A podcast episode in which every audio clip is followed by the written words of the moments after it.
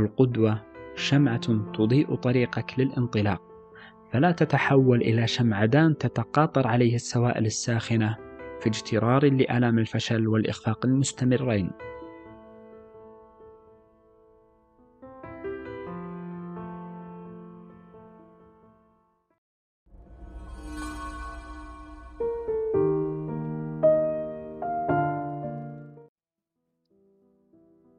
هلا فيكم. معكم اليوم في بودكاست عقل وروح نتحدث عن التوازن النفسي. من منا لا يرنو لمثل هذه النفس النفس الهادئة الساكنة. ومن منا لا تحدثه نفسه بيوم يرتاح فيه من التفكير المعقد والغامض بشأن الماضي والمستقبل.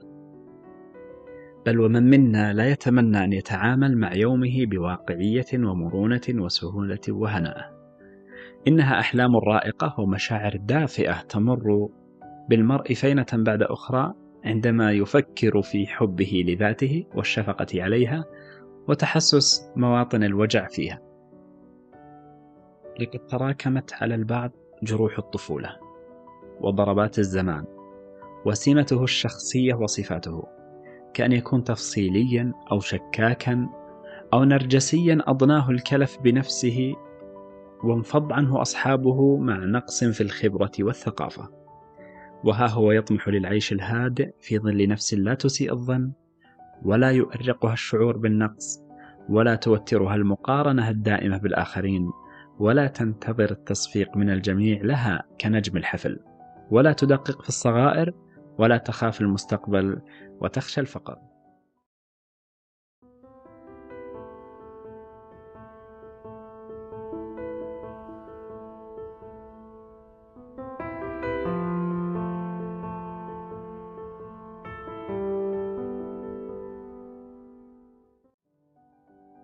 هذه الكلمات القليلة التي قلتها الآن مدخل يسهل استقبال الأسئلة التالية والتي تتعلق بتحقيق الهدوء باتزان. ما مدى المسافة بين قيمك وسلوكك؟ الأخلاق باب من أبواب الحياة، بل هو بابها الأرحب. كيف لا وهو الصمغ الذي به تتلاحم أبعاد المجتمع. إذ الناس بلا أخلاق في تعاملهم يصيرون أقرب إلى الوحوش منهم للآدمية. وقد جاءت جميع الشرائع والأديان لتقرر هذه الحقيقة. وإنها لعبادة في الإسلام عالية ومرتبة غالية أن تخالق الناس بخلق حسن. واعلم أن التوبة لا تقتصر على السرقة أو الكذب بل تشمل التوبة من سوء الخلق. بعضهم يستمر في سوء الأخلاق ظنا منه أن هذا أمر قد كتب عليه ولا مفر منه. جربها فهي حال جميلة لا توصف. ألا وهي التوبة من الأخلاق السيئة. أعلن أمام نفسك أنك تائب من سوء الخلق وأنك تنوي القيام بحق الناس حق القيام بأن تخرج إليهم أفضل ما لديك من ثناء ودعاء ومعاملة حسنة. يقول تعالى في وصفه للجنة ونزعنا ما في صدورهم من غل إخوانا على سرر متقابلين. إذا نزع الغل والأخوة الصافية من الشوائب طرف من نعيم أهل الجنة فلماذا لا تحاوله الآن؟ فيك خير كثير ومكامن عطاء عدة ولكنك كبتها وصغرت روحك الكبيرة. تذكر أنك ستموت ولن تتمكن بعدها من إهداء من تحب أجمل ما في داخلك. إنه حتى العقل لا يتقبل الاختلاط بين الناس إلا وفق ضوابط الأخلاق التي تكفل ضمان الحقوق النفسية والمادية. وأول من تستعمل معه ذلك وتخالقه به هو نفسك أنت. إن استخدام اللغة الداخلية الراقية مع النفس يهذبها وينميها وينعش كوامنها فتتفجر بالعطاء والخير لكل من حولها. ألم ترى إلى الذي يحتقر نفسه ويشعر بنقصها ويجلدها دائما كيف ينظر لمن حوله وكيف يعاملهم خصوصا مع أبنائه وما تفرع منه. إنه يحتقرهم ويغذيهم بالكلمات الموجعة في الليل والنهار. إنه إناء وهذا نضحه. لقد آن الأوان أن تحترم نفسك وتلين لها. لا في اتباع هواها ولكن في معاملة ذاتك بأروع ما توصلت إليه من رفيع الأخلاق وخالص الذوق. إنها تستحق منك ذلك. فكم صحبتك؟ وكم صبرت عليك؟ ثم اعلم أن السلوك هو المحتوى الذي تملأ به قوالبك القيمية. فالمبدأ والقيمة يعبران عن الخواء والصفير إذا لم يقارنهما السلوك. لا معنى للقيم والمبادئ التي تحبها إن لم تطبقها. لقد عرضت ضميرك للتأنيب المتصل وعرضت شخصك للنقد الخفي فيما بين الناس.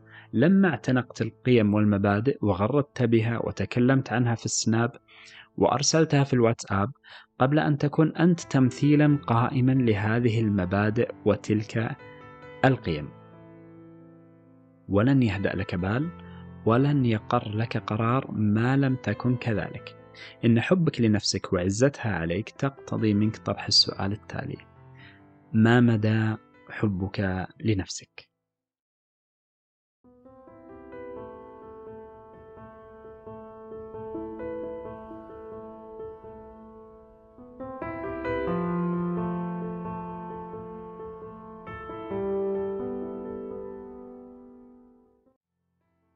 إن الجلد طويل المدى للذات يورثك نفسا مهزوزة ضعيفة. إن التأنيب الحاد للضمير لا يعطيك النتائج المرجوة بل على العكس فإنك تصل للحال التي تخشى أن تكون عليها من قلة الحيلة. ويقع ما كنت تحاذره وتخافه. ويتكون هذا بمر السنين. وعليه فلا بد لك من التعرف على ذاتك على وجه الخصوص. ما تحب وما تكره. ما يلائمها وما لا يلائمها. وتتخلص من الإمعية الفكرية والبدنية والروحية. وتكف عن محاولة تقمص شخصيات من ترى فيه القدوة. فهذا خلق آخر. أعطاه الله من الاستعدادات والقوى والخبرات والمواقف ما أدى إلى صقل شخصيته التي تراها أمامك. فهذا القدوة أو ذاك هو عبارة عن منجز ونتيجة وعصارة من الاستعدادات والقوى والخبرات والمواقف. مما لم تعطاه ولم يمر عليك. مع مراعاة فارق السن أيضا فالغالب أن القدوة سيكبرك بسنوات. هذه السنوات لها حساب ولها دور في نضج الشخصية. وويل لك إن جعلت هذا القدوة العظيم في نظرك مقياسا لنجاحك. وتوافقك مع ذاتك. لأنك لن تنجح ولن تصل إلى التوافق مع ذاتك. لماذا؟ لأنك تسعى وتجهد في التوافق مع ذات قدوتك لا مع ذاتك أنت وليس هذا من التوازن في شيء. وقد قلنا قبل قليل أن هناك فروقا بينكما في التكوين وظروف الجيل والقدر الذاتية وغيرها. إذا القدوة شمعة تضيء طريقك للانطلاق. فلا تتحول إلى شمعدان تتقاطر عليه السوائل الساخنة في اجترار لآلام الفشل والإخفاق المستمرين.